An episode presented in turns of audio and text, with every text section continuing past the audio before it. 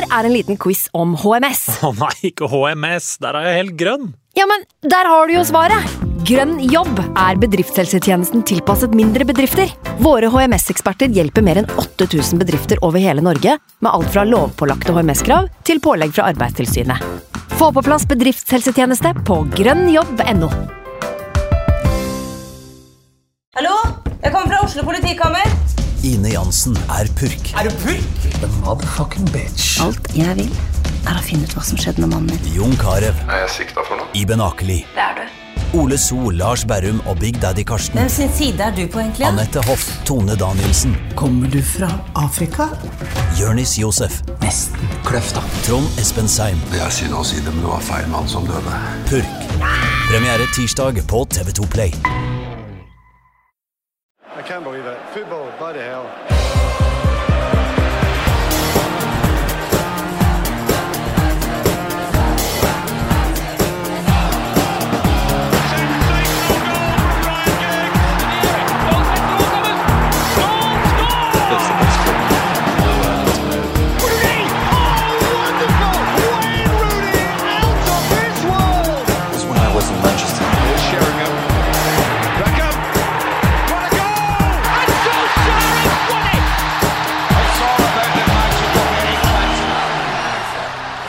Og med det så var United Podcast tilbake. Jeg heter Ken Vasenius eh, Nilsen. I dag så har vi fylt studio. Anders Serener er på plass. Hallo, Anders.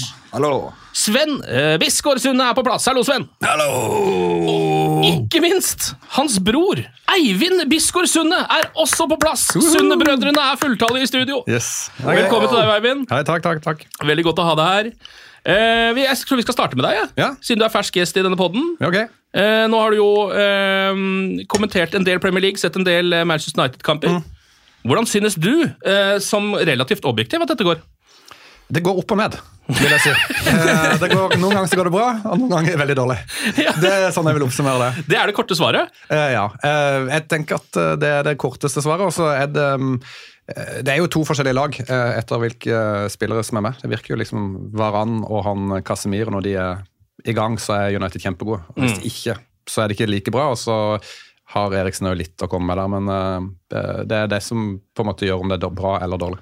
Hvor lenge har du egentlig kommentert fotball? Du, Det er et godt spørsmål at du spør om akkurat det. Um, for når jeg ser på det nå, vet du, Ken, så er det sånn at um, jeg har kommentert fotball i ti år. Og grunnen til at jeg husker det, er litt på grunn av det. Hvorfor det? Fordi når jeg fikk mitt første barn altså ikke altså når vi fikk vårt første barn, ikke av det, Ken, men uh, når min dattera mi ble født uh, på Bærum sykehus uh, for um, litt over ti år siden, da, så snart elleve, så fikk jeg en telefon når jeg var på sykestua der, på sykehuset, jeg. Det var fra Eurosport. Spurte om jeg hadde lyst til å begynne å kommentere fotball. Og samtidig med det så måtte jeg organisere salget av to Tom Petty-billetter. til, eh, til Norwegian Wood, for jeg hadde vært såpass optimistisk, optimistisk at jeg hadde kjøpt uh, billett til Tom Petty samtidig som uh, vi hadde termin. Og de billettene overtok du. Det stemmer. Det stemmer. Så derfor så vet jeg at nå er det snart elleve år siden uh, at jeg gikk glipp av Tom Petty, fikk datter og begynte å kommentere fotball. Ja, det er, det er deilig. Um, Sven, din, eh, din bror, vil du si at han har peiling på fotball? Mer enn deg, eller mindre? Eh, mye mer. Uh, eller vi har, vi har litt forskjellig type kompetanse. For jeg er god på sånn der uh, typisk eh, Hva slags yrke har foreldrene? Eller hva er spesielt med foreldrene? Det koster Pantillemon, eksempel. Sånne ting vet jeg. Mens Eivind er mye bedre på sånn å analysere spillet. Og altså, mer sånn faktating er han mye bedre på enn meg. Et ekstremt bra blikk for spillet, mens min, min forse er mer sånn blikk for dumme detaljer. Det, det går jo an å teste ut det kanskje med en gang, fordi det har vel skjedd noe med spillet til Manchester United eh, etter at Erik Den Haag tok over. Eh, Eivind, hva er det du umiddelbart ser? Jeg synes jo det har vært litt sånn forskjellig på en måte fra starten og til etter hvert. Eh, For når det har funka, så har de jo spilt ganske sånn en fotball som fungerer i, på alle måter. da. Både som kontringsfotball og at de greier å spille ut lag som eh, ligger litt lavere og sånne ting. Men når det ikke fungerte i starten, så sleit de jo med det. Og det har litt med hvilke spillere som er på banen og sånn, tenker jeg da. Så jeg vet ikke, men han har jo fått ja, Nei, jeg, jeg har ikke noe veldig godt svar, faktisk. Nei, du har ikke det? Nei, jeg har ikke det. Jeg lover å bare si pass. Ja. Ja. Hva er det du har lagt merke til, Anders? Nei, det er jo mye av det samme. da. Det er en veldig sånn klar eh, plan med spillet. Det så vi jo på den 2-0-skåringa i går mot eh, Forest også. hvor Du ser litt av de eh, tendensene som Ten Hag ønsker. Og så ser man også at det blir problematisk når viktige brikker som Martinez ikke da er med da, i det oppbyggende spillet. Selv om det er en stopper som begynner i det i går også, så blir det Vi er fortsatt veldig sårbare som klubb. og Veldig avhengig av de nøkkelrollene som Ten Hag trenger da, Mm. for å få det spillet til å sitte. Eh, og det ser man jo da når Casemiro forsvinner ut, eller Varan eller Martinez, altså disse nøkkelrollene, så, så, så blir det fort litt shaky. Altså. Ja. Det er jo det man legger merke til. Ja. Eh, en ting som vi har diskutert ganske mye i det siste, eh, og Sven, jeg vil gjerne ha din mening om dette før vi går løs på kampene. Eh, fordi, altså, dette her er, Egentlig så har dette vært en, vært en debatt som jeg, ikke, som jeg egentlig har nekta å ta fram til nylig, men det handler om David Hea. Eh, og det er bare fordi jeg har nekta å ta det fordi jeg er så glad i David Hea. Jeg synes han er en fantastisk keeper. Han har vært lojal såpass lenge, redda eh, så mange poeng eh, og, for Manchester United. da. Men nå i det siste så har det begynt å bli snakk om at hvis Manchester United skal bli et uh, fuckings Manchester City oppi her, så må vi ha en keeper som er god med beina. Hva er dine, dine to cent, Sven? Ai, ai, ai. Ja, nei, jeg er jo litt uh, team uh, Vasenius, jeg, da. At Ja. jeg liksom er veldig glad i David De Gea, så jeg vil ikke kvitte meg med han. Men det er jo et eller annet veldig bakstreversk med å ha en keeper som nå ikke kan ta utspark engang. Det er jo sånn uh, forsvareren må trekke ned for å ta utspark. eh, og, og liksom, Det gjør, gjør at man liksom blir litt sånn baktunge. Så jeg ser jo for meg at hvis man skal være et lag som man ønsker, som skal prøve å vinne Champions League og vinne Premier League hvert eneste år, være liksom topp fem-lag i verden, så må du inn i den neste generasjonen med keeperspill. da. Så det spørs vel om kanskje liksom eh, at Enten så må De Gea faktisk bare trene og, og komme seg opp et nytt nivå og bli bedre med beina, eller så må han jo erstattes uh, snart. Enorm optimisme på vegne av Manchester United, som skal vinne Champions League og vinne ligaen der. Eh, For det er jo det som eh, er, Når vi skal snakke om spillestilen til, til Ten Hag og, nei, ja, og til, til United og hvordan det er, så er jo litt av problemet at det er jo litt vanskelig å vite hvor klubben egentlig er. Hvor den står, da. Eh, For jeg tror ikke du kan eh, eh, skifte ut Digea før klubben har liksom en retning, de vet at de kan på en måte tenke litt langsiktig og sånne ting. For han er jo altfor god til det. Ja. Det er min, det jeg tenker om det. da. Ja, for du, vi, jeg tror vi har blitt såpass naive at vi har tenkt nå at nå skal Ten Hag være der helt, uh, kjempelenge. Mm. Hvis du skjønner, fordi nå går det såpass, Jeg tror det er det vi tenker nå. Vi har jo en sånn det følelse av det. Men, eh, men jeg skjønner at du sitter jo på et eh, helt annet sted og har jo sett hvordan Manchester United har operert det siste året og tenker at kanskje ikke nødvendigvis blir sånn. Nei, men det er jo kaosklubb. Ja. Uh, selv om de nå kanskje de skal selge, men de greier jo ikke engang å selge klubben, de Glazers-folkene. Eh, og den uh, stallen er det, er- det er jo mye gode spillere der, men som jeg sa i stad, så tror jeg jo det handler om at de de veldig gode spillerne de har fått inn, har jo løfta det veldig, og en god trener. Men det er klart at uh, Casemiro var- ikke evig, og Varan var ikke evig. og Du må bygge noe mer, da. Eh, og da tror jeg det må en struktur på plass som ikke er der nå. da. Så Ja. det er jo Det å komme og få Champions League-plass i år er jo mulig når Chelsea er ute og kjører, f.eks. Men eh, og Tottenham har ikke vært særlig bra. Så det er mange lag som ikke leverer denne sesongen. Men det er klart at har alle lagene i Premier League spiller opp mot potensialet sitt, gjør jo aldri det, så blir det jo vanskelig for United selv, sånn som det har sett ut periode denne sesongen, å, Ja. ta topp fire. Det stemmer jo det. Eh, vi skal jo tilbake til dette oppkjøpet så vidt også, eh, etter hvert selvfølgelig. Eh, vi må ta det opp litt sånn i drypp, for man blir jo gæren av å snakke for mye om det. Men nå kan vi gå litt til det sportslige. Vi skal snakke om en av de merkeligere fotballkampene jeg har sett Manchester United spille på en stund. Aller først, nemlig Sevilla, kvartfinale i Europaligaen på Old Trafford. Kamp én av to. Sven, din oppsummering før vi går løs på detaljene i kampen? Eh, Nei, det var jo en av de mer merkverdige fotballkampene jeg har sett eh, på veldig veldig lenge. Vi, man satt jo bare med en sånn følelse at det her var, ja, hadde man jo helt totalt full kontroll på. Eh, at man her, var liksom, det var mer sannsynlig at vi vant 6-0 enn at det ble 2-1 på noe tidspunkt. Og så skjer det bare et eller annet, og så blir det så var, var, Plutselig så bare gikk alt i dass. Alt var uflott, skader. Det var, så det var bare helt sånn Helt, helt freakshow av en kamp. Eh, Så det er jo en kamp som tyder på at United på en måte mangler den der eh, rutinen på å være et topplag og liksom avgjøre, bare stenge av en kamp. For det der her, her burde man bare lede 3-0 og, så- Ja. og, og så på en måte avslutte det. Og så klarer du å rote det opp i noen greier, og så blir det 2-2. og så er det så så er det egentlig bare en katastrofekveld, da, eh, som egentlig bare burde vært eh, gjort av, avslutta ryddig. Omtrent til pause. Så det var en merkelig fotballkamp. Ja, og det er jo rundt pause det skjer ting også. Vi kan jo eh, ta, eh, uten å gå for mye i dybden, siden det har blitt en liten stund siden, eh, vi skal gå mer inn i Nottingham Forest-kampen, så kan vi ta noe av det som skjer her. Først så eh, skårer jo Manchester United umiddelbart. eh, Med en gang kampen har begynt. Eh, Det er jo det første som skjer. Det er en god start. Det er en god start. At Sancho slås gjennom han, Det er vel Antony tror jeg, som slår han gjennom. Eh, Sancho setter den ganske kontant. Men det var en ganske relativt klar offside, viser det seg. Klink. Så den er annullert. Det er for så vidt greit, det. Manchester United fortsetter bare. eh, og skårer jo da 1-0 etter 14 min. Eh, da er det først som Martial, som jo er liksom tilbake på laget igjen. Veldig god i den kampen her, i hvert fall tidvis. Eh, surrer litt rundt på sida der. Han surrer ikke rundt heller, han dribler et par folk. så det er veldig bra. Eh, triller ballen til Brune Fernandes, gjennom til Sabitzer. Eh, en litt heldig avslutning via Marcao, tror jeg det var. Og en sånn perfekt bue eh, over keeper. Og så gjentas jo det samme seks minutter etterpå. På en måte, Da er det Martial igjen. Eh, denne gangen så drar han av en mann og spiller en sånn kamuflert stikker. Eh, litt sånn ja, Det er litt sånn Zidane Xavi-style over det der, syns jeg. Det er litt sånn høy playmaker-klasse, da. Han drar av to mann, og så er det nesten sånn no look. til Ja. og med. Altså, det, det er så midtbanestjerne Ja, det er det. fra spissen vår. Høy klasse av en fyr som bare så vidt har spilt kamper de siste ukene. Årene. Ja, siste året. Eller generelt, egentlig. så vidt. I livet, Ja. faktisk. Eh, gjennom til Sabitzer igjen, eh, og ganske likt denne gangen. Ikke via noen, men bare rett inn. da. Og Der er det 2-0, og så rundspiller egentlig United Sevilla ut første omgang. Eh, men så begynner det liksom å komme noen sånne antydninger til at kanskje ikke eh, eventyret bare skal gå så godt allikevel. Eh, fordi etter 41 minutter så får Bruno et sånn helt merkelig gult kort. For en hens. Ja. Det er ikke helt merkelig, men det er veldig strengt. Det er veldig merkelig. Også. Ja, litt, litt. litt. litt merkelig. For i, i går så var det masse snakk I går, jeg, mot uh, Forest var det masse snakk om at hvis ballen går via uh, og sånn, så er det jo ikke gult. Mm. Men hvis det er mot mål, så blir det gult uansett. Jeg, jeg, jeg, jeg, forstå hands-reglene? Nei, nei, Nei, nei, ok, samme. Vi går videre. Ja, eh, det blir gult. Eh, hvert fall, og det, Vanligvis så hadde jo ikke det hatt så mye å si, men nå betyr det at han må stå over returen da, eh, mot Sevilla i en periode hvor Manchester United har fryktelig mye folk ute. Trodde faktisk han skulle krangle på seg rødt. I den siden jeg så uh, sånn, ah, bare, bare hold kjeft nå. Han ble sur, altså. Det er for så vidt forståelig.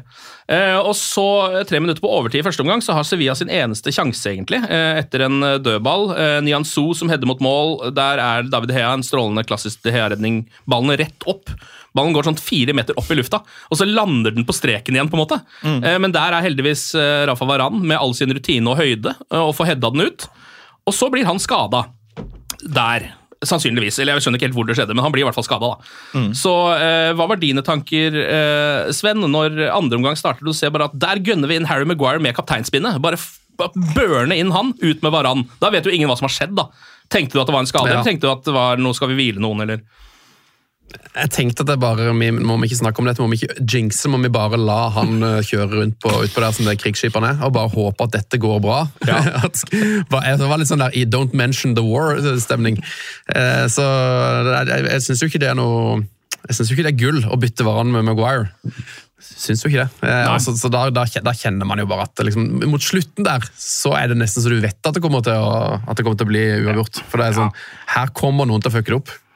Ja, eh, og er jo dessverre eh, ikke tilfeldig at det er Harry Maguire heller. Eller tilfeldig er det kanskje, for fyren har jo helt enorm uflaks også oppi alt sammen. Eh, men det er, ja, det er i hvert fall sånn det blir. Og egentlig så er hele andre omgang er det sånn Det, preges egentlig bare av bytter. I hvert fall veldig lenge. Bytte seg ut av kampen. Bytte seg ut av kampen, mens Sevilla bytter seg sakte opp. Mm. De får inn en Nesire, blant annet, som er en ganske ålreit spiss. Får inn sus og litt kreativitet, i det minste. Det skjer liksom noe der. For det de holdt på med i første omgang, var jo helt sjanseløst. Um, mens United da gjør det andre veien. De uh, brytter ut Bruno. Nå kommer riktignok Christian Eriksen inn. så Det er ikke noe dårlig spiller, det. Uh, men han er jo eh, kommet nettopp tilbake fra skade. da. Sancho, som har vært bra, går ut. Elanga kommer inn. Martial, som har vært veldig bra, går ut. Wout Weghorst kommer inn. Eh, som den som har sett mest Wout Weghorst av folk i dette studio, Eivind, siden du har kommentert litt Bundesliga, der hvor han har herja i noen år. Eh, hva tenkte du først og fremst da han ble kjøpt? Nei, altså Jeg, jeg synes det var Han ble jo ikke kjøpt, han ble lånt til, men det var vel ja. fornuftig tenkte jeg bare å få inn en fyr som kan skåre en del mål. Han har jo ganske bra sånn målsnitt, fra, i hvert fall fra Bundesliga. da. Ja. Eh, Men jeg er veldig overraska over hvordan han har blitt brukt. Og så er jeg jo veldig overraska over at alle bare sier ja, det er en typisk link-up-spiller som eh, er veldig god litt ned i banen til å liksom For det er han egentlig ikke? Han har spilt Nei, han har, jeg aldri, kan aldri huske å ha sett han spille tierrolle liksom, i Wolfsburg. Han løper jo bare foran der Lo- liksom får dytta inn ballen og er jo god til å spille opp og legge igjen. Mm. Men den rollen han har hatt i United når han har vært Han har jo vært tier ofte. Ja, han har det. Mm. det, har jeg ikke skjønt, det har jeg ikke skjønt noe av. Ja, men det har jo på en måte også blitt litt sånn eh, Er ikke det noe folk nesten har genierklært litt? Grann, da? Eh, jo, I hvert fall i og det- perioder. Jo, vi genierklærte i 60 minutter. Ja. Og, så, og så skjønte alle at det, okay, det er ikke så vanskelig å ta ut Wout i tieren. Eh, så var det ikke så geni lenger, føler jeg. Nei. Men det har jo, det har, tror jeg vi har vært innom før når gang jeg har vært her, at han Ten Hag har jo gjort litt sånn, eh, operert litt med annerledes tider. Han bryter jo inn Fred noen ganger Ja. ikke sant? Til, å ha, sånn, til å ha noen raske eller noen som skal kunne presse og skjønne fotball. da. Som pressetier, ja. Sancho har vært tier. Ja, så, det, så det kan jo være noe der som ikke jeg skjønner, fra Ten Hag, men akkurat det der syns synes jeg har vært rart. da. Men eh, hva syns du om det som Vegårs har levert? Tror du han kommer til å liksom bli i United? Nei, det tror jeg ikke. Nei. Er det noen andre som tror det? Tror du det, Sven? Nei, nei, nei. nei, nei. Jeg håper selvfølgelig han blir, men Jeg, jeg, så, noe, jeg så noen koblinger i stad til Besiktas igjen. Eller at Ja. de skulle tilby noe nye. Og det er vanskelig å nevne Wout Weghorst som spiss i Manchester United mot Sevilla uten å nevne den pasningen, eller mangel på pasning, som du sikkert uh, Ja. kommer til. Ja, det blir jo en pasning. Er Etter 81 minutter så har jo United sin ene store sjanse i andre omgang, eh, hvor de egentlig bare skal avgjøre det hele og legge på til, eh, til tre. Da er det jo Vegårs som får ballen eh, på femmeteren omtrent. Jeg tror han er inne i femmeteren. Ja, og, mm, eh, og han slår en støttepasning. Altså, Nå har han riktignok en slags mann i rygg, men jeg tror nesten alle spisser hadde prøvd å vende opp. ja.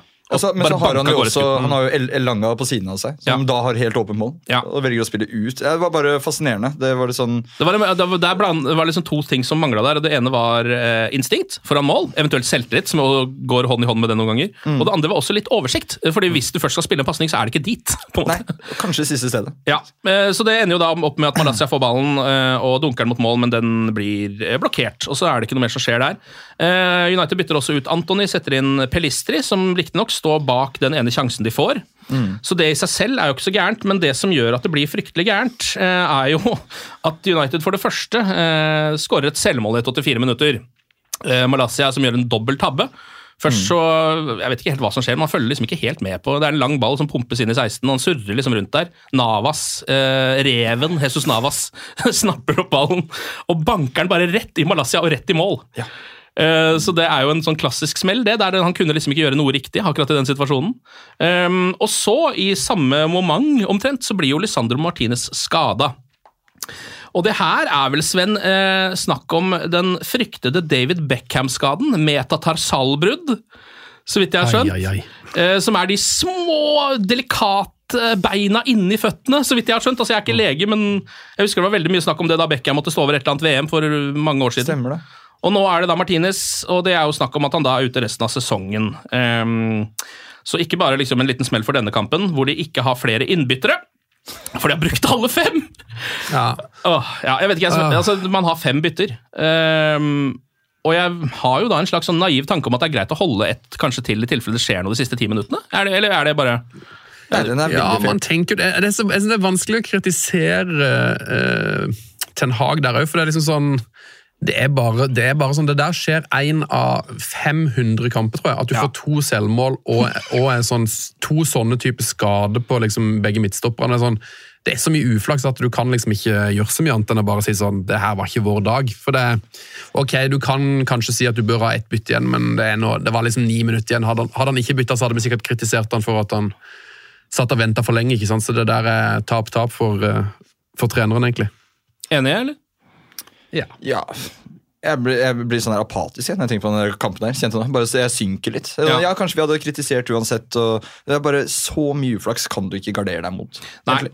Men det blir jo da den ene, jeg synes føler det allikevel er sånn, det er den, altså Nå har Ten Hag fått veldig mye skryt, for han har gjort veldig mye riktig. Eh, Det her er på en måte den ene gangen hvor han viser eh, litt ordentlig svakhet på veldig lenge. da. Eh, og Det er selvfølgelig masse tilfeldigheter og uflaks og flaks og sånn involvert her, men det er det også de gangene han har hatt rett. Så jeg føler man liksom må gi han litt kritikk når det da skjer noe sånt som dette Det er her. da. Han bytter jo Ja, for- bytter seg ut av en trygg 2-0-ledelse, og det blir til slutt 2-2. Selv om det er Ja, masse det- rare ting. Det er jo det vi har snakka om i, i hele år, at han, eh, han har jo vært litt for dårlig til å rullere og bruke hele troppen. da. Og Ja. jeg synes jo Det er det han får liksom svi for her, at du har faktisk ikke klart å holdt eh, nok spillere varme. Det er jo det, Maguire er jo liksom, han er jo helt ribba for selvtillit, eh, sånn som Elanga òg. Jeg tror ikke han på en måte jeg tror han hadde vært bedre hadde du brukt han ofte. da, At han hadde satt på benken der med en tro om at han kunne komme inn og gjøre en forskjell. Mens når du har vært så dårlig til å bruke hele stallen, så er det iskalde spillere som sitter på benken. da. Så det er liksom der har han en utfordring i å klare faktisk å, å, å holde flere spillere varme, for dette. han har bare gått med de elleve beste hver eneste kamp. Ja, og det er jo de ringvirkningene han får når man begynner å bytte her òg, tror jeg. fordi han vet jo at det er veldig mye slitasje i den troppen, så han må vel, føler vel at han må gjøre de byttene han kan i hver kamp, nesten. I denne delen av sesongen, da, for å bare hvile folk. Men noe jeg lurer på det, er han Harry Maguire der. Har det noensinne vært en spiller med så stort på en måte fall, men som allikevel har beholdt landslagsplassen sin? Altså, Det er jo helt, det er jo helt beyond. Det, er, det kryr av gode midtstoppere i England, Ja. men han er likevel på landslaget. altså, Milan har jo han der Tomori spiller Han er. Champions League der, og uh, Ben White herjer man- Bekta, man kan jo spille stopper, han er ikke på landslaget. Nei, Mens McGuire sitter på benken og bare er helt uh, Det er kjempemerkelig. er det, det er så rart. Um, er, eh, og så er det så, Jeg får oppriktig dårlig samvittighet nesten for å snakke om Harry Maguire, for det, blir så, det er så mye fokus på han. Ja. Men så er det også jeg, jeg kan ikke huske å ha sett en spiller ha så mye gående mot seg. Du, altså, når han kommer inn, når du ser han står og han er på vei inn, så synker det litt inni meg. Og jeg ser det på han også. Han, han ser ikke komfortabel ut. i det hele tatt. Har noen feilpassinger, feilvurderinger. Det går så sakte i det oppbyggende spillet. Så jeg Ten Hag har bytta han og Lindeløf. Han mente vinklene ble for dårlige. Han har spilt på venstresiden. Som regel nå er han på høyre. Merker ikke så veldig stor forskjell på det heller. Nei. Uh, det, det er litt, litt sånn vondt å se på, bare. Ja, det er jo det. Og så kommer jo da øyeblikket to minutter på overtid, uh, hvor uh, Josef Nesiri får et innlegg, og der rager han høyt som han alltid gjør. Uh, Header ballen ned i bakken, inn i Maguire. Og i mål, og det er liksom selvmål nummer to. Eh, og Sven, du går rett ut på Twitter og skriver at eh, hvis jeg var Harry Maguire nå, så ville jeg ikke sjekka internett på en stund. Nei, det ville jeg avbestilt, ja. Ja, og det tror jeg du har veldig rett i. det. Uh, jeg tror ikke det er mye å hente der uh, for Harry Maguire akkurat nå. Så Nei, kan altså, man det, det, ja. jo- det blir jo mobb, han blir jo mobber for uh, altså det er jo bare, det er, så, det er så komisk at det nesten er sånn det er jo, ja, Som Serena sier, det er jo nesten trist. ikke sant? At det liksom ah, det Selvfølgelig går ballen i det svære huet til Maguire rett i mål. liksom, Det måtte bare skje. Eh, Så det er jo helt komikveld. Det er rett og slett helt komikveld. Um, og det blir 2-2 der. Hva tenker dere om mulighetene for å ta seg videre nå på torsdag? Uh, vi kan ta den eh, objektive først. Hva tenker du, Eivind, om liksom å ha 2-2 og dra til Sevilla med? Ja, jeg tror det ligger, de, ligger greit an. Ja. Jeg tror United kan greie det. Ja. Eh, Så ja, god sjanse. Så, god Sevilla sjanse. er ikke i kjempeslag. Det er jo ikke det, og det så man jo i denne kampen òg. Ja. Det er jo ikke mye riktig de gjør, det må jo sies. De kommer unna med en 2-2. To selvmål og mye surr, Mm. men det er ikke mye riktig de gjør i løpet av matchen. Altså, United så jo gode ut, og, Ja. og Sevilla er dårlig. Ja. Eh, så det, det er litt sånn der eh, freak-match, på en måte. Ja. tenker jeg. Og så er det ikke bortemål, da. Så det er jo Ja, det også. det er Det er en fordel eh, kanskje for United denne gangen. da. Ja, absolutt. Det er jo det. Og hvis det der hadde vært altså, to sånne bortemål, tenkte jeg det er så krise, det. Eh, to selvbortemål, det skal ikke være mulig, liksom. Eh, ok, vi går videre til en eh, litt hyggeligere forestilling mot Nottingham Forest eh, borte nå i helga. Eh, eneste som er litt kjipt, er jo at eh, Marcel Sabitzer, som jo da var bra mot Sevilla, eksempel, skader seg på oppvarminga. Eh, men det betyr bare at Christian Eriksen starter, og spiller en ganske bra kamp, så vidt jeg kunne se. Blant de beste. Ja. Um, Shaw er jo fortsatt skada, og nå var jo også Malassia fått seg en liten skade. Så det betyr at uh, Dalot spiller på venstreback. Det går jo også relativt bra, må man kunne si. sånn utover. Langt over forventning. Ja. Eh, ellers så er det jo da en, et midtstopperpar med altså nå, Vi skal tilbake til Solskjær-tida igjen og har Lindeløf og Maguire som eh, midtstoppere. Men samtidig så har vi jo også kanskje vår mest beste midtbane på plass. da, altså Med Eriksen, med Casemiro og med Bruno, som ikke har vært sammen i altfor mange kamper. Eh, så det Og jeg tror United aldri har tapt med de tre fra start. Nei, At det var noe jeg leste i sted. Det gir på en måte mening òg. Jeg syns United ofte ser bra ut når de spiller sammen. Eh, Og så er det jo også en av de beste frontrekkene. da, Selv om Rashford er ute, så har de liksom eh, Anthony som er i stigende form, Sancho som er i stigende form, og Martial som har sett ganske bra ut. Så jeg var liksom ikke noe sånn veldig redd for den eh, matchen sånn sett. Og den starter også helt likt som forrige match, med at uh, Jaden Sancho er gjennom alene med keeper før ett minutt er spilt. Denne gangen så er det uh, ikke offside, men det er også en bom. Eh, Så ja, en enorm sjanse helt i starten av der. Og det er egentlig sånn generelt, jeg syns United starter veldig freskt i den matchen her. Ehm, kjører bare på, på en måte. Ehm, og Bruno Fernandes er aktiv og holder på noe voldsomt der. Også liksom en ja, de, de har noen ok sjanser i starten her da, som de rett og slett ikke får brukt, um, eller får utnytta. Og så uh, får jo Harry Maguire gult kort etter tre minutter. Sven?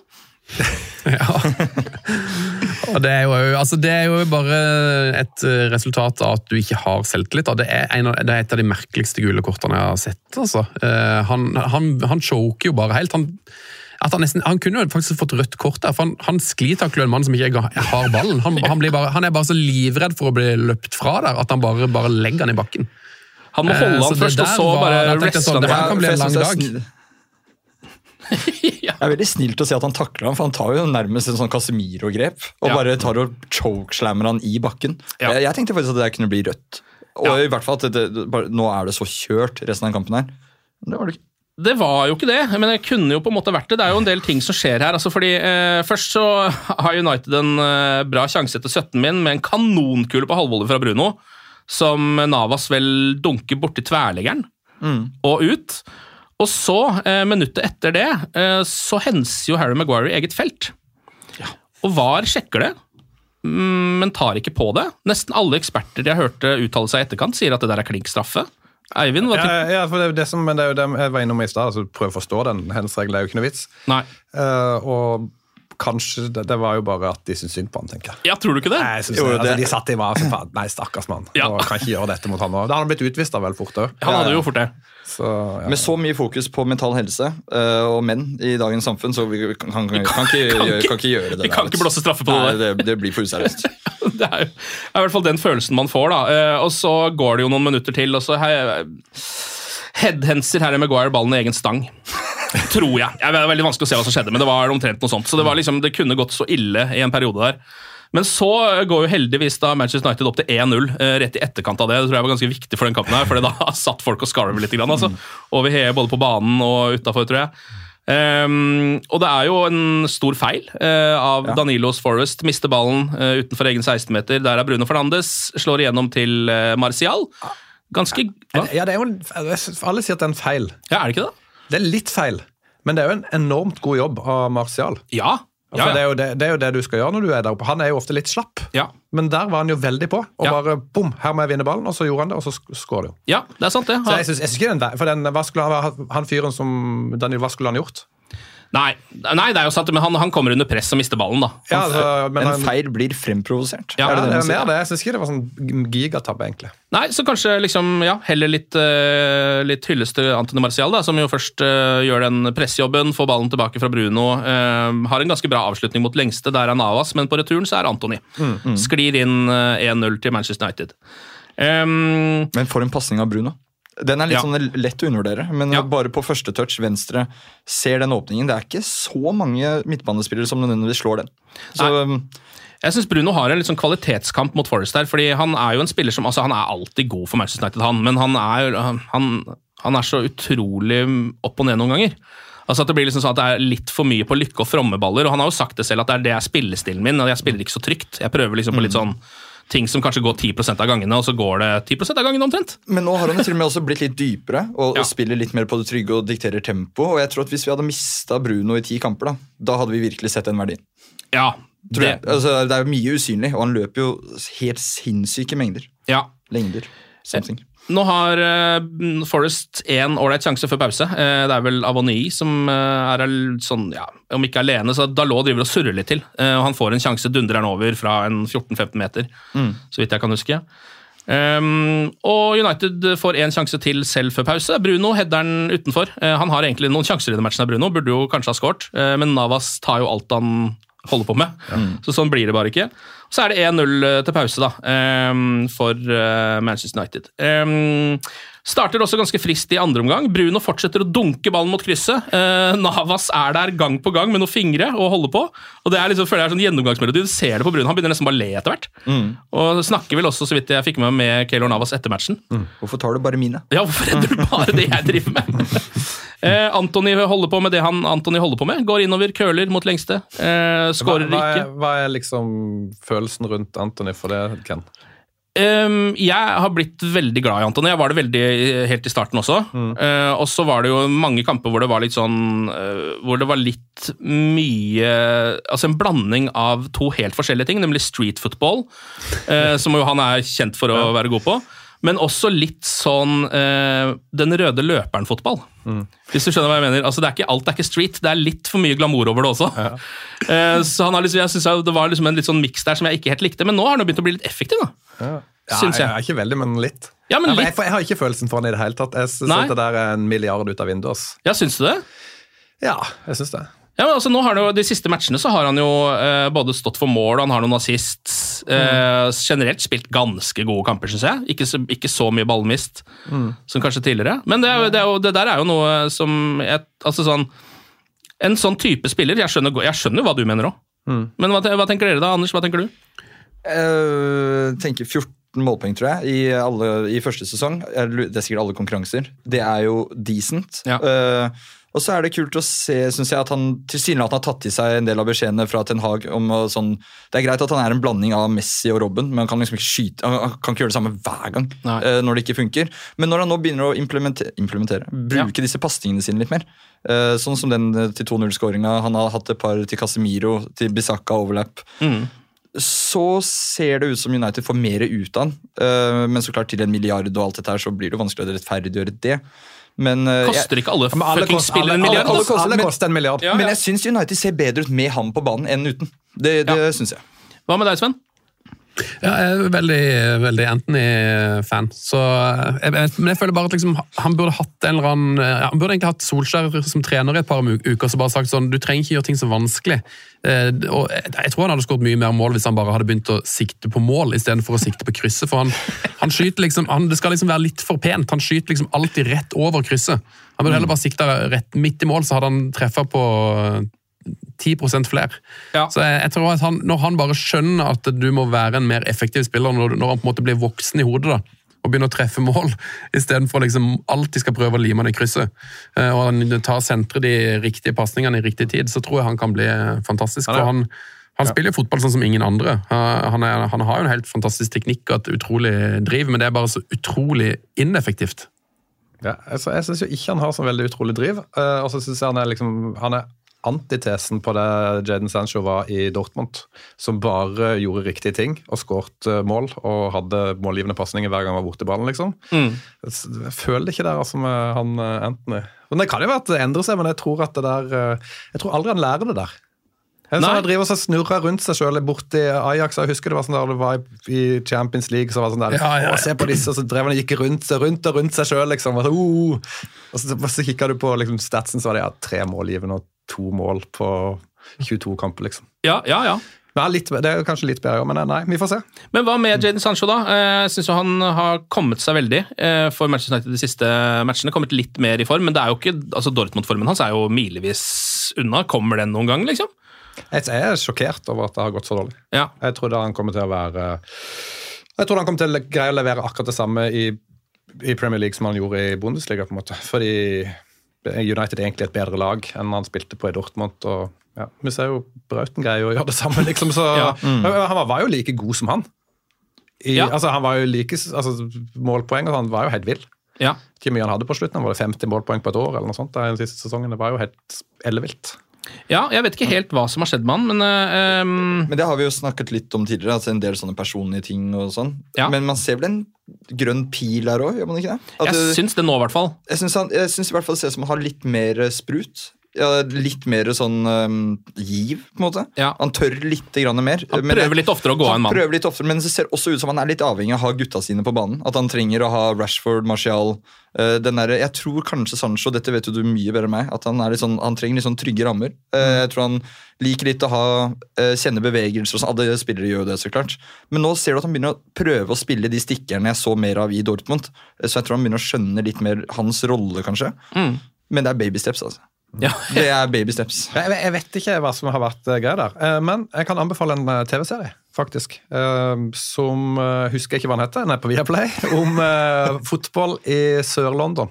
Ja, den har jeg sett litt på. Eh, hvor eh, de da eh, drar til Sør-London, og det er så sykt mange proffer som kommer derfra. da. Altså, En helt enorm andel av de som spiller engelskmenn i Premier League, er jo fra akkurat det området rundt Er det sånn Peckham ja, rett derfra, Ikke så langt fra der som Palace på en måte har hjemmebanen. Altså. Den, de bydelene der, da. Rio Ferdinand går rundt der og Ja, ja, ja. Hilse på folk og sånn. Den er veldig fin, for der ser man litt hvordan For det første hvor mye de har kjempa for å komme seg opp og fram ved å spille på ga, eller om ikke på gata, så i Mm. Cager, da. Ja, Ja. Og det er jo det med Sancho, at han kommer jo fra den bakgrunnen hans uh, vet jeg, jeg vet ikke så mye om den, da. Men den bakgrunnen som blir eh, beskrevet i den serien, er jo veldig tøff. Det er en tøff oppvekst eh, for eh, de kidsa som kommer derfra. Mm. Det, er, det er ikke så mange hjemme, og mamma jobber to jobber. og Det er liksom den, den greia der, da. Ja, og da er det kanskje, gir det kanskje litt mening også at man, når man kommer inn i en flyt, så kan man godt holde den gående, men hvis det begynner å gå litt grann dårlig, da, eh, eller blir litt miljøforandring, som det ble for Jaden Sancho, eh, så kan det være vanskelig å sette i gang igjen. Men han er i hvert fall ok i den kampen her, syns jeg. Dribler og kombinerer litt etter 60 minutter. Spiller ballen til Bruno, som fortsatt er sugen på å få seg et mål. Dunker ballen mot den lengste, denne gangen helt ned ved stanga, ikke krysset. Der er Keylor Navas. Åpenbart. Der er Keylor Navas. Uh, United har en frisparkvariant etter 64 minutter. Uh, der syns jeg de har liksom jobba litt. Grann. Uh, under Ten Hag så har det vært noen litt sånne freske frisparkvarianter. Nå er det tilbake til en av de vi har sett tidligere, med den gamle Bruno-vippen over muren.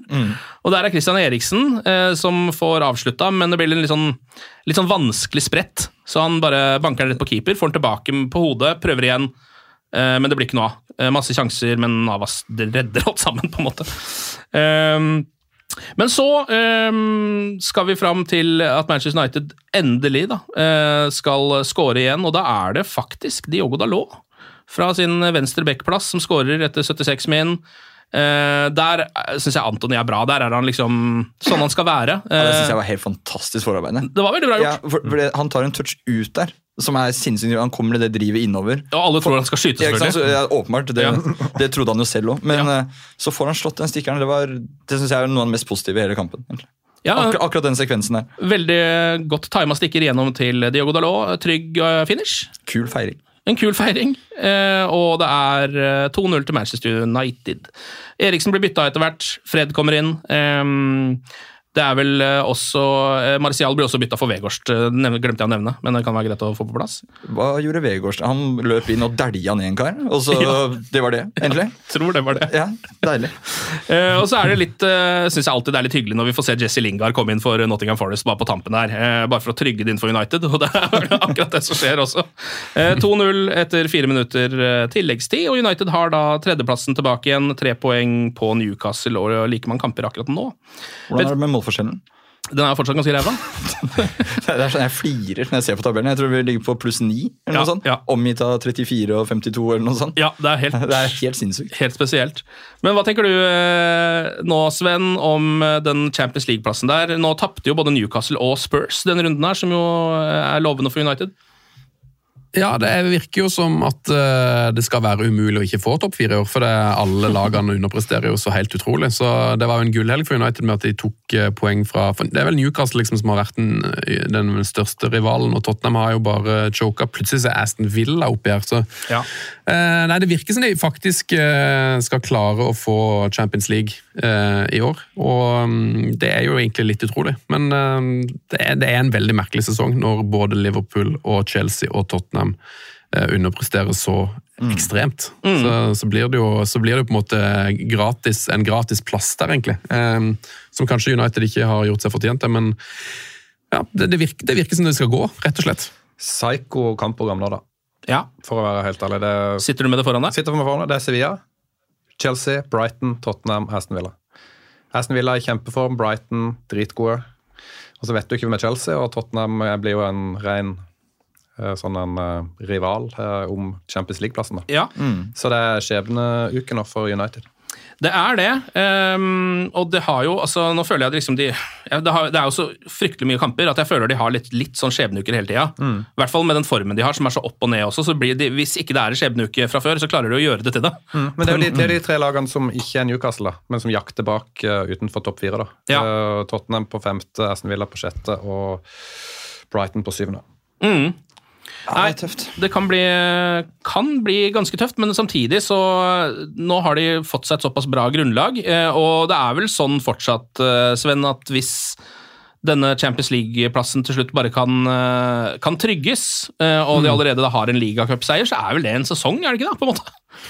Jo, altså, altså det, Jeg satt og tenkte på det, at når, når vi har liksom Casemiro, Eriksen og Bruno som vi har nå da, i slag, eh, så er det jo plutselig en av de beste midtbanene United har hatt de siste ti årene. Eh, og du har er jo vel, altså At Anthony har mål og assist i helga, eh, jeg føler at det på en måte at, at det endelig begynner å løsne litt eh, for han. Martial er på vei tilbake. Det er sånn veldig mye snakk om mye skade, men eh, allikevel syns jeg det er, det er fantastisk mye spennende spillere som på en måte er tilbake og uthvilt, sånn som eh, Casemiro og eh, Sancho og, og Eriksen, som på en måte alle kan på en måte komme i form nå. da, så jeg ser egentlig lyst på, på det, og det kampprogrammet. og jeg tenker sånn Ok, Aston Villa og Brighton og Tottenham det er vriene lag, det, men det er lag som jeg tror United i denne sesongen her kan slå, eller skal slå. Så jeg ser mer på det som en fordel at vi har det kampprogrammet, enn at det liksom er så fryktinngytende vanskelig. Jeg hadde vært mer stressa hvis vi skulle møte eh, City, Arsenal og Liverpool, f.eks. Er du sikker på at det er Sven som er på andre sida? ja, det, ja. det er jo så positivt! Det er jo positivt til alt! Altså, nå har Du du har jo ikke stoppa nå. nå er jo han der, uh, Martinez er jo ute. Ja. Må jo Du glemmer Phil Jones, min gode mann. Du glemmer Phil Jones. Ja. Altså, så du må spille med Maguire. Maguire og Lindeløf må nok spille ganske mye kamper Ja, resten og av så sesongen. gidder du bort mot Sevilla, det er litt uheldig, liksom. Ja. Nottingham Forest de er jo så lordelige nå at de kan jo ikke slå noen. Det er jo som å altså, altså Det er som en våt sekk eh, av papir som ja. skal holde på vann. Altså Det går ikke, det, går, det, det er jo helt elendig. Og så skal de møte lag som er i god altså Tottenham er ikke i god form. Uh, Chelsea vet United er i god form. Ja, men de andre altså Aston Villa og United har Brighton er jo ett et tap på de siste ti kampene. Ja, dette her liker jeg, det er, men Betyr dette her at når dere sitter og snakker om Manchester United, så pleier ikke Sven å være så optimistisk? Eller er det det du sier? Eh, Han var ikke mye optimistisk i starten på sesongen. Men Det var jo det er ingen grunn til å var det, på en måte? Det er jo det som har skjedd. da, at uh, Etter de to første kampene på begynnelsen av sesongen, så var jo alle så negative. Og Hvis man tar vekk Liverpool-kampen og de to første kampene i sesongen til United, så får du en helt annen målforskjell, og du hadde da vært ett poeng bak City i ligaen. Så det er jo på en måte det at de har hatt tre sånne gigaskrell som har ødelagt mye av sesongen, men sånn generelt så er jo United be så De har ikke vært så gode som dette på ti år. De har sin beste sesong eh, egentlig siden Sir Alex forsvant. da. De har masse spillere som har eh, plutselig funnet tilbake til toppform. og altså, United ser bedre ut i nesten alle faser av spillet eh, i år kontra i fjor. Så det er det at de har hatt noen sånne helt syke skreller.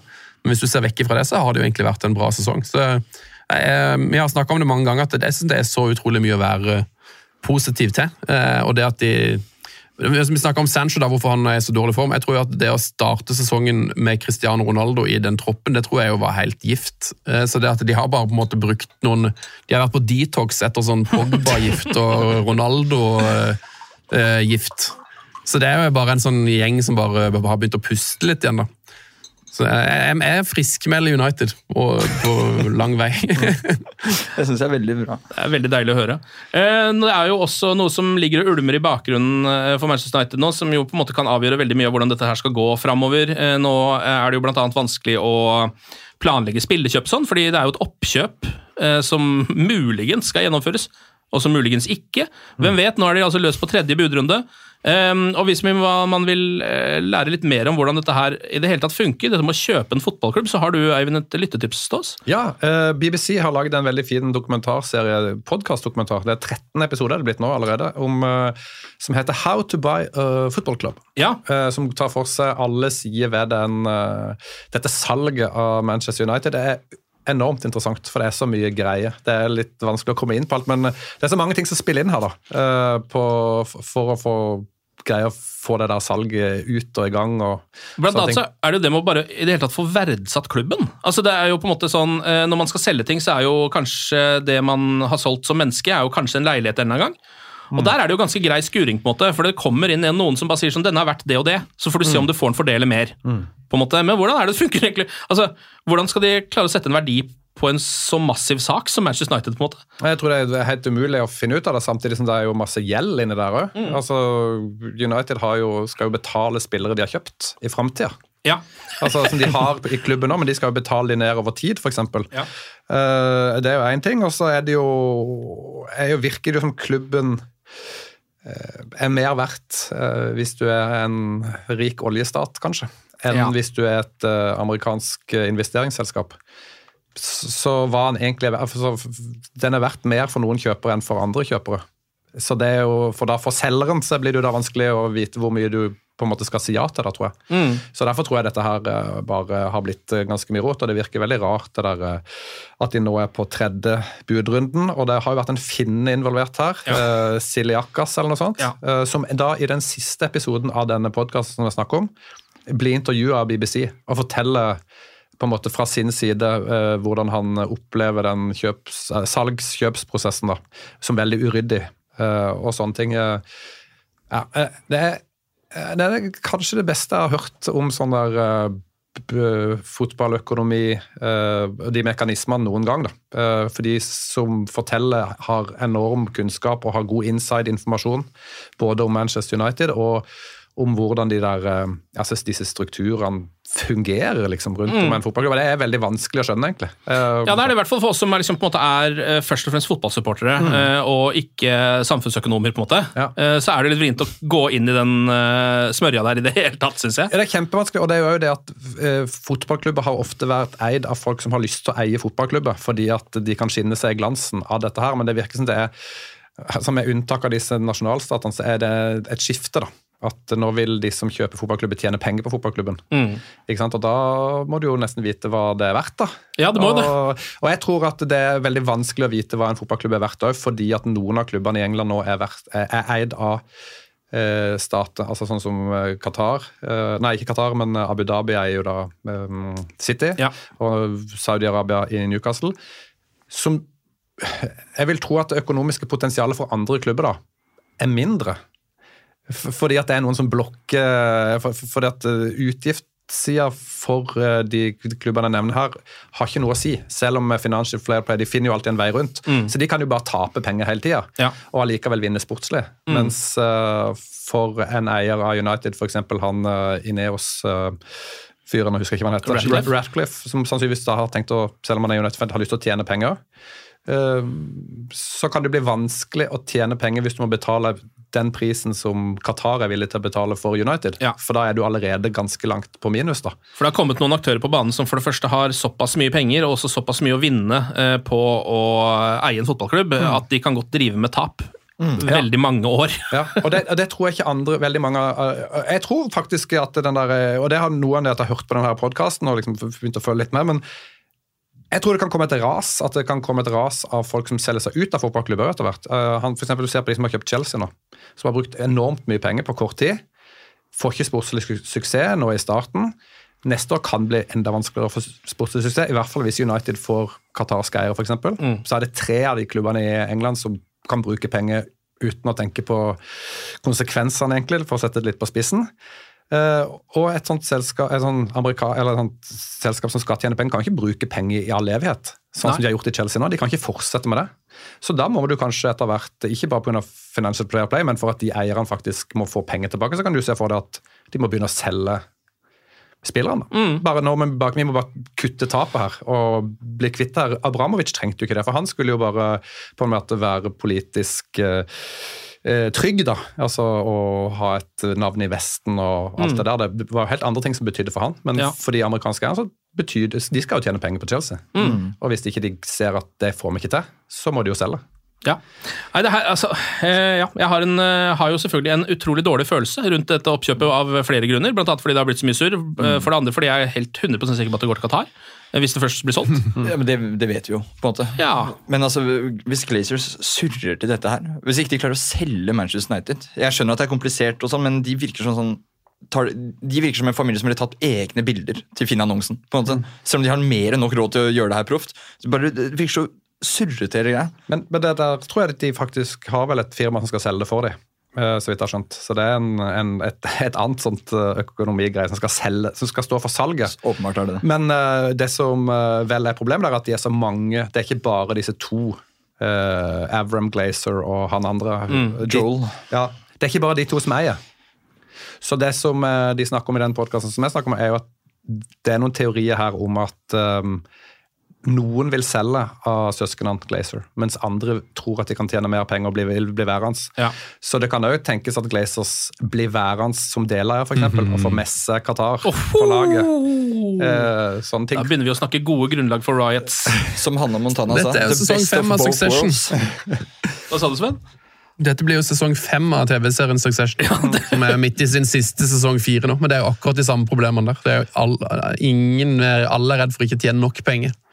Ja, nei, men da har vi i hvert fall, altså sånn, Om ikke vi eh, dekker det oppkjøpet godt nok, så skjønner du jo hvorfor. Det er fordi det er for komplisert, men da kan du kanskje sjekke ut BBC sin How to Buy Football Club, så kan det hende du blir litt smartere. Eh, takk for tipset der, Eivind. Nå er det altså Sevilla borte på torsdag. Eh, kvartfinale. Eh, returoppgjør. Eh, 2-2 fra første match, som vi husker litt for godt. Så får vi se eh, hvordan eh, det der går. Jeg har en litt vond følelse på straffekonk. Ikke si det. Bare fordi Europaliga og Manchester United er litt straffekonk-følelse på. Er så. Eh, og da blir det sikkert eh, 13-14, og David Hea bommer på den siste straffa. Er det ikke sånn det, sånn det pleier å gå i denne kampen der noen ganger? Det var også litt sprøtt da, da, da Tom Heaton plutselig var oppvarming. Nei, uh, Butland! Butland! Ja, for David Hea fikk seg jo faktisk en liten smell eh, mot Forest, men eh, etter sånn 29 minutter eller noe sånt, sånn ganske tidlig. Men det virka som han bare Ja, den jogga han av seg. Ja, eller bare sto det av seg, på en måte. Men noe jeg ikke har sett i en Premier League-kamp på veldig mange år, som vi må ta før Phil du Jones. stenger av. Ja, Phil Jones. Phil Jones også. Han er ikke registrert for spill, dessverre. Det fant jeg også ut i går. Han har ikke klart å fullføre én treningsøkt i hele år. Men United hadde to corner på rad i går. Hvor de kjørte nøyaktig samme varianten. Pasning ut til Eriksen. Ja. Og det ble like farlig begge ganger. Jeg har aldri sett et lag i Premier League se det skje. Og så bare Ikke bry seg. han, han, han kommer ikke til å gjøre det samme igjen.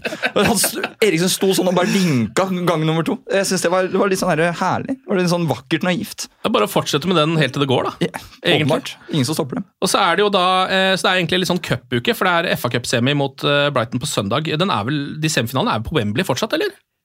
Er det ikke det? Ja, tror det? Jeg tror det, altså. Ja, vi sier det, vi. Så da eh, kan det jo bli en relativt god uke. Du kan få, en, eh, få sikra en semifinale i Europaligaen eh, og en FA Cup-finale. Eh, så det er ikke det aller verste. Um, og jeg vet ikke, Sven, eh, hvis du skulle velge, da. Det her er jo eh, altså Det er jo ikke ofte man, alltid man får begge deler. Hva tar du av FA Cup og Europaliga? Ja, da tar jeg, nå har jeg har begynt å gi opp FA-cupen. Altså. Jeg, går- jeg vil ha Europa. Europacup. Jeg syns det er gøyest. Du vil ha Europaligaen, ja. Ja. Ja. Hva med deg, Anders? Ja takk, begge deler. Ja. ja. Vi går for det, vi. Du, går må velge da, Chris! du må velge. Ja, da blir det faktisk FA-cupen. Ja, Ja, det, det, det gjør det, altså. Den, du, den sitter litt høyere. Det er Du sånn- syns fortsatt den er tradisjonsrik? Ja, jeg, Da jeg var ung ja. Nei, Det er liksom kult med FA-cupen. Det er det jo for så vidt med Europaligaen òg, men den, den sitter litt igjen. Den henger litt lavere bare enn FA-cupen. Ja. Jeg vet ikke helt hvorfor. Jeg har gått forbi nå. Ja. Ja. Ok, eh, er det noe noen vil tillegge før vi gir oss for uh, i dag? Jeg tror jeg rota med den uh, terminlista, bare. For Chelsea var ikke inni der, så jeg nå. Ja, de er litt seinere, tror jeg. For det var, det var den skulle vært spilt den helga her. Det er en, ja, Den er sikkert er sant, utsatt pga. den FA Cup-semien, Det var det så den kommer seinere. Men uh, altså uh, Tvil ikke, de skal møte Chelsea om ikke så altfor lenge. så sånn er det med den saken. Ok, men den er god. Eivind, Sven og Anders, tusen takk for praten. Og glory, glory. Glory, glory!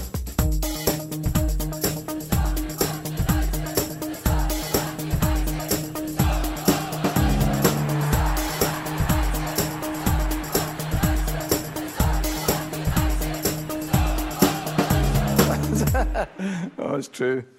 I've seen many things. Moderne media. Ukens annonsør det er matkasseleverandøren Hello Fresh.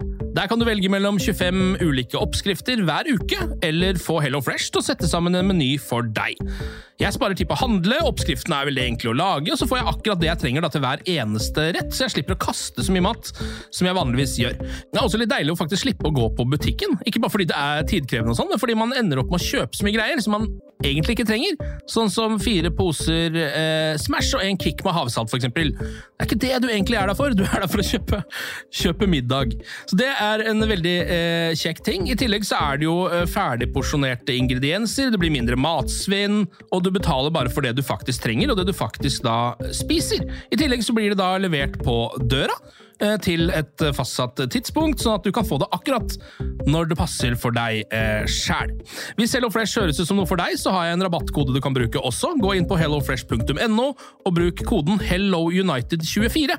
HelloUnited i ett ord, også 24, og få opptil 1779 kroner i rabatt på de fem første matkassene dine hvis du ikke har prøvd Hello Fresh ennå. Du kan også bruke koden hvis du tidligere har vært kunde, men har stoppa abonnementet ditt for tolv måneder siden eller mer. Det er ingen bindingstid, og du kan pause eller avslutte abonnementet ditt akkurat når du selv måtte ønske. Husk koden HelloUnited24, og bon appétit! Ukens annonsør er Folio, en smartere banktjeneste for deg som har en egen bedrift eller ønsker å starte for deg selv. Folio er en superenkel nettbank for bedrifter. Som kunde i Folio får du en bedriftskonto med et bedriftskort og app. I denne appen er det smarte løsninger som forenkler regnskapet ditt, uansett om du har en liten bedrift eller et enkeltpersonsforetak. Folio er både intuitivt og brukervennlig, og er laget med et enkelt språk. I tillegg tilbyr de forutsigbare priser og ingen skjulte gebyrer. Skulle du likevel trenge det, så kan du snakke med deres raske og hyggelige kundeservice, og der får du prate med en faktisk person og ikke en chatbot. Folio er med andre ord både enklere og koseligere enn banken. Over 10 000 bedrifter har allerede valgt Folio som sin banktjeneste, så besøk folio.no og se hvordan Folio kan forenkle din hverdag også. Har du et enkeltpersonforetak eller en liten bedrift? Da er du sikkert lei av å høre meg snakke om hvor enkelt det er med kvitteringer og bilag i fiken, så vi gir oss her, vi. Fordi vi liker enkelt. Fiken superenkelt regnskap.